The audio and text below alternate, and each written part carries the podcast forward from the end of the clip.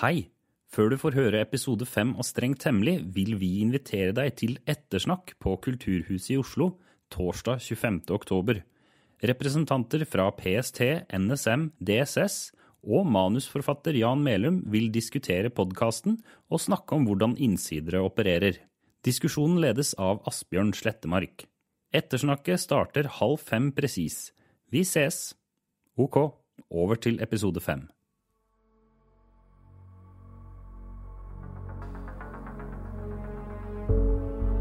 DSS og PST presenterer Strengt hemmelig. En krimpodkast i seks deler av Jan Melum. Tilretteleggelse og regi Nils Nordberg. Med Øystein Røger som Sven Foyn.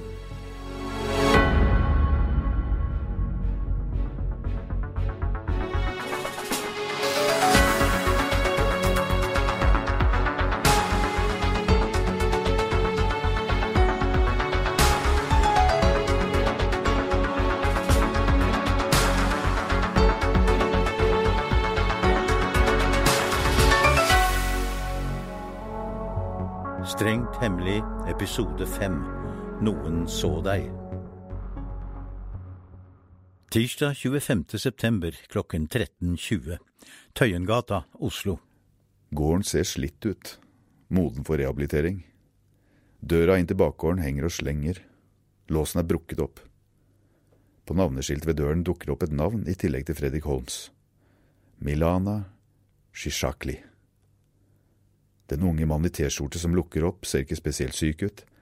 Han slipper meg inn i en trang stue med få, enkle møbler. Ja, hva gjelder det? Et sikkerhetsspørsmål, Holm. Bor du her alene? Eh, Hva har det med saken å gjøre? Eh, Advokat Foyn? Svar Sant? på spørsmålet. Ja, Siden du spør på den måten, så kjenner du vel svaret. Jeg bor her sammen med kjæresten min. Fredrik? En ung kvinne kommer inn. Du er Milana Shishakli. Ja, det er meg. Er det noe galt? Hvorfor kom du ikke på møte sist fredag, Holm? Jeg var syk, og det er jeg fortsatt. Jeg ga beskjed, Ringte du sjefen din, Anita Moen? ja. Men jeg fikk ikke noe svar. Vi har sjekket anropene, Holm. Vi finner ingen fra deg. Ja, kanskje jeg har ringt feil, da. Fikk du beskjed om å holde deg unna den dagen? Nei, hvorfor skulle jeg det? Jeg var jo syk, sa jeg. Og det er jeg i dag òg. Jeg skulle bare ordne noen papirer, og det kunne noen andre ta seg av. Og hvem påsto det? Jeg ringte Kristoffer da jeg ikke fikk tak i Anita, og da sa han at jeg bare kunne bli hjemme. Visste han på forhånd at du var i ferd med å bli syk? Jeg nevnte det visst foran dagen før, ja. Men var det altså ikke sånn at han ringte for å be deg om å holde deg hjemme? Nei. Jeg syns du skal gå nå, advokat Foyn. Fredrik er ikke frisk. Ja vel. Her er kortet mitt. Så hvis du kommer på noe mer, så ringer du meg, ikke sant? Du, hør. Hva er det egentlig som har skjedd? På møtet du skulle ha vært på, kan hemmelige dokumenter ha kommet på avveie.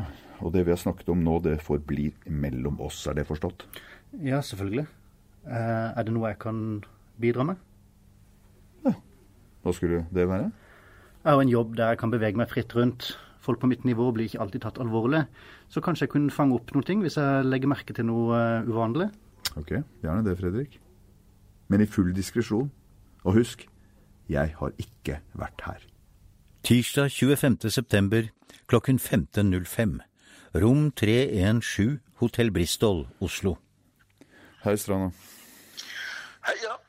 Du, Foyn, han eh, legefyren din, han er fra Helsedepartementet. Mm. Eh, Hva vet du om han? Eh, Carl Sveen? Ja, Så godt som ingenting. Ja, Han er ikke noen racer på dataen, i hvert fall. Nei. Å komme seg inn på PC-en hans, det var som å ta sukkertøy fra en unge. Navnet til kona var passordet. Dessuten slår han ikke av maskinen hjemme i dagliglivet mens han er på jobb. Pent hus, forresten. Det, ja, det er vel alt det pene jeg kan si om han. Ja, altså. Ja, leder i menighetsrådet og profilert medlem av KrF, men de bildene han samler er ikke beregna på søndagsskolen akkurat for han. Ok. Han laster ned saker og ting som er på grensa. Og han har ikke engang forsøkt å skjule sine spor. Så andre enn deg kan også ha funnet ut om denne hobbyen. Verden er fullt av haier for han. Noen av dem er datahackere. Fallhøyden er stor i dette tilfellet. Ok, du, Siden sist har jeg besøkt unge Fredrik Holm og hans kjæreste. Ja, hva tenker du om han? Nei, Han virker engstelig. Kjæresten var derimot kald som stein. Pass Pasta for kvinner, foin, du vet hvordan det ender. Ja, jeg vet ikke om du er den rette til å gi meg råd på det området, Stranda. Med dårlig erfaring følger klokskap, foin. Men du, apropos kvinner. Har du fått sett på denne ekspedisjonssjefen fra Kunnskapsdepartementet, Ingrid Sivertsen? Ja, hun er jo litt interessant. Ja? Ja, ja. Hva er det med henne? Ingenting. Det er nettopp det. Og sånt gjør meg nysgjerrig. Et langt og fredelig liv i sølibat. Snart pensjonist. Ja, Det lyder suspekt, ja. Mm. Ja, ikke sant? ja. Men du, ta og lett videre. Og så meld fra hvis du finner noe, for jeg tenker å avlegge henne et besøk i kveld. Men du, har du forresten noe mer på arkitekten Anders Antonsen? Nei, ingen detaljer ennå. Bortsett fra det faktum at han er kommet i dårlig selskap. Jeg tenkte du kunne følge opp det, du som kjenner fyren. Greit. Tirsdag 25. september klokken 16.30. Teaterkafeen i Stortingsgaten, Oslo. Ja, skål da, Svein. Skål.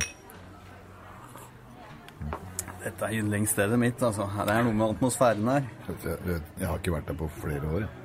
Det er litt for snobbete for meg. Å, Jo, ja, Svein. men du trives jo jeg best blant kjenner deg. fiken, du, det Du, har å snobbe nedover, det er din greie. Ja, du. du- med Jaguaren og din preferanse for eksklusiv konjakk. Ja, ja, Går det fremdeles i Bakke Gabrielsen, eller? ja. Vi har jo alle våre dårlige vaner, Anders. Men etter hva jeg har hørt, så er dine dyrere enn mine. Aha, du har kanskje snakket med min eks.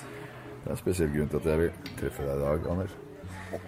Å jaså, så det er ikke bare for gammelt vennskaps skyld, altså. Jo, jo, det også. Dessuten så ikke glem at vi jobber i samme prosjekt.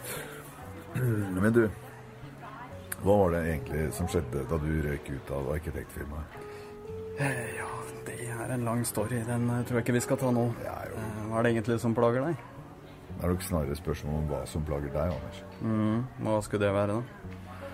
Noe skjedde på fredagens møte, noe ureglementert. Ok. Ja, ingen tanker om det? Nei, jeg la ikke eh, merke til noe annet enn den vanlige kranglingen ja, om saker som allerede er avgjort.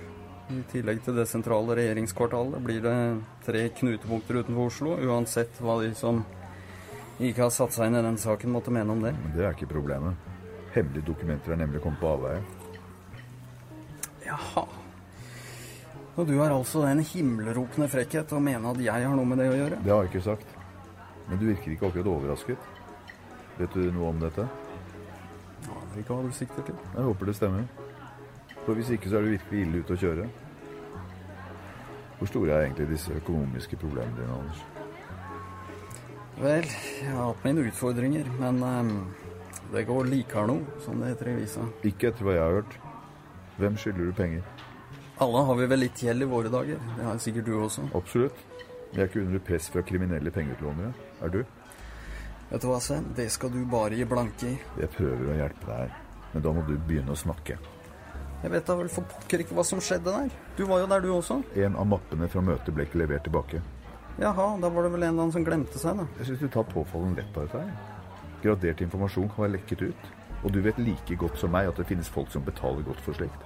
Du ser spøkelse på høylys dag, Sven. Ingen la merke til at du leverte inn din mappe, Anders. Hva sier du til det? Hva sier jeg til det? Jeg trodde dette skulle bli en hyggelig prat mellom venner, ja. Anders. Kom igjen, da. Men vi har tydeligvis ikke noe mer å snakke om. Anders.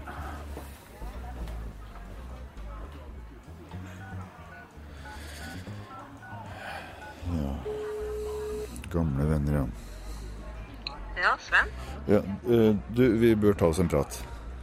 Eh, ja, jeg kommer ikke fra nå, men eh, vi kan møtes i kantina i Akersgata. Ja.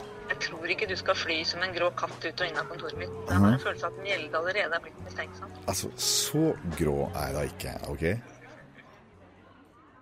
Tirsdag 25. september klokken 17.15.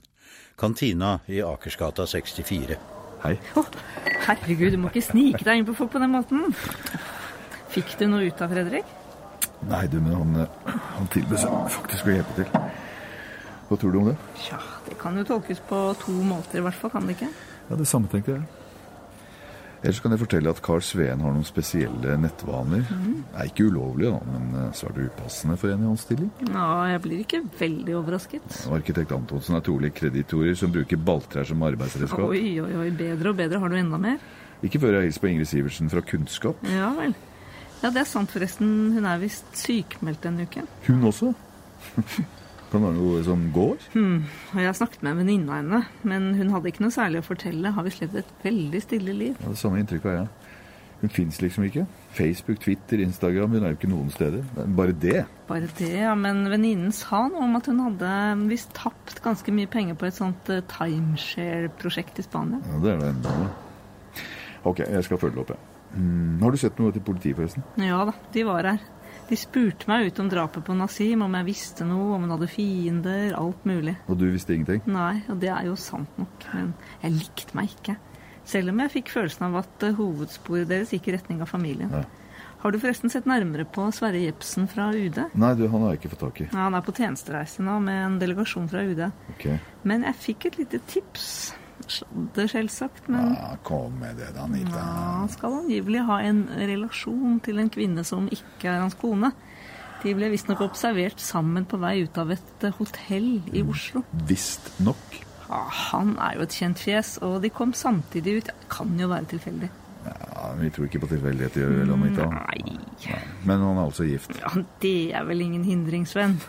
Det blir sagt om Jepsen at han har for vane å tenke med det nederste hodet, som eh, menn flest. Å, å, jeg mener det hodet, ja. Mm. Er dette med den eh, kvinnen alminnelig kjent? Nei. Her i departementene forsøker folk å holde sin svinestir igjen, særlig utad. Vet du mer om henne? Ikke annet enn at hun er vakker som synden. Ja, hva tror du? Jeg liker ham ikke, Sven. Fyren har et enormt ego. Like heftig som pengeforbruket, spør du meg.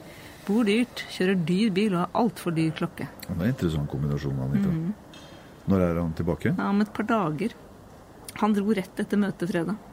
Jeg så på han la igjen tjenestemobilen hjemme. Tirsdag 25. september klokken 18.45. Rom 317, Bristol Hotel, Oslo. Timeshare, sa du? Jo da, det var nå der. I fjor var det visst. Et ganske lugubert opplegg kosta diverse nordmenn sparepengene. Ingrid Sivertsen var en av flere som anmeldte saka. Men du vet hvordan det er med de greiene der. eh, Bortimot umulig å komme noen vei. Tirsdag 25. september klokken 19.50. Arendalsgata, Sagene, Oslo. Kaffe? Ja, takk. takk. Vær så god. takk skal du ha. Ja, jeg, jeg har ikke fått vært i butikken, så så jeg har dessverre ikke noe annet å by på. Nei, men det er fint. Takk skal du ha. Ingrid Sivertsen. En ryddig, hvithåret eldre dame. Presis som ventet. Du, eh, du var advokat, sa du, fra prosjektrådet. Jeg husker deg visst fra møtet på fredag. Ja, det stemmer det. Ja, jeg er jo også engasjert til å undersøke noe som skjedde i forbindelse med det møtet. Ja vel. Er det noe galt? Det skjedde noe ureglementert etterpå. Du verden, hva, hva kan det ha vært? Jeg la ikke merke til noe. Hemmeligstemplede papirer kom på avveie. Har du kanskje en kommentar til det? Jeg eh, forstår absolutt ikke hva du mener, advokat Foyn. Det er noe ved henne. Måten hun skotter til side på.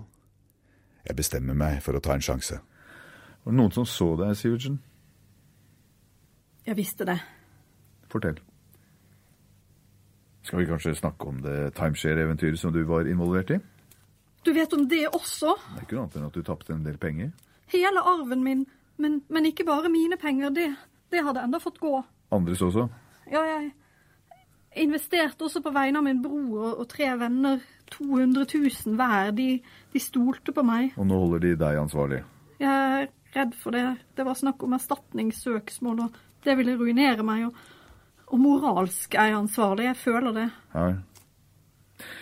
Var det en forbindelse mellom dette og en viss forsvunnet mappe? Jeg får visst bare si det som det er. Jeg, jeg har en venn, advokat Foyn. En mann? Ja, jeg vet nok hva du tenker, at jeg bare er en dum, gammel kvinne. Hva slags venn er dette? Er det en som er ute etter informasjon, kanskje? Jeg er ikke dum. Jeg har arbeidet i departementer i en menneskealder og vet at man må være forsiktig med, med hvem man omgås, og det rådet har jeg alltid fulgt. Ja vel. Men du tok en telefon til ham, Jeg bare ba om et råd. og det fikk du. Ja, nei, dette firmaet hans arbeider internasjonalt. Det er et IKT-firma, og, og informasjon om fremdriften til det nye regjeringskvartalet er viktig når firmaet hans skal planlegge sine anbud. Han, han visste jeg var involvert i det arbeidet gjennom prosjektrådet. Så det hadde du fortalt? Jeg var visst kommet i skade for å nevne det en gang, ja. Hva heter denne mannen? Her er visittkortet hans. Ja. Vice President Huang Nubo, International Information System, GMBH, Kleine Johannesstrasse 10, 20457 Hamburg. Mobil, e-post Ja, asiatisk. Firmaets europeiske hovedkontor ligger i Hamburg. Ok. Men, men at han er asiatisk og har bodd og jobbet i mange land, gjør ham ikke til noe dårlig menneske. Hvordan møttes dere? Tilfeldig på en konsert. Han er en kultivert mann, interessert i klassisk musikk, hadde ambisjoner om å bli pianist. Bor han i Norge? Bare av og til. Han reiser mye. Og denne elskverdige herren tilbød seg straks å bidra med det beløpet du hadde spekulert bort? Nei, nei, det var jo ikke slik. Jeg, jeg ville bare spørre han om råd, som sagt, om han visste det var noe jeg kunne gjøre. Han var utenlands, men så, så sa han at han kunne låne meg penger så jeg kunne betale tilbake min bror og mine venner. Men håpet jeg kunne gjøre ham en tjeneste til gjengjeld. Ringte det ikke noen varselklokker da? Selvfølgelig, men jeg så ingen annen utvei. Jeg måtte betale mine venner, og jeg fortalte at det tilfeldigvis skulle være et møte der planlegging av regjeringskvartalet var tema, og at jeg kanskje skulle delta. Og der fikk du mappen i fanget. Var det virkelig så lett? Det var forbausende enkelt, advokat Foyn. Jeg ante ikke at papirene ville bli behandlet på den måten, og uten å, uten å tenke meg nærmere om, beholdt jeg mine. Er det første gang du har tråkket over grensen? Ja. Jeg kan ikke fatte at jeg kunne. Å nei, å nei, Har du overlevert informasjonen du skulle skaffe? nei. Alt, alt gikk jo galt. Hva mener du? papirene. Jeg, jeg har dem ikke lenger. De er borte.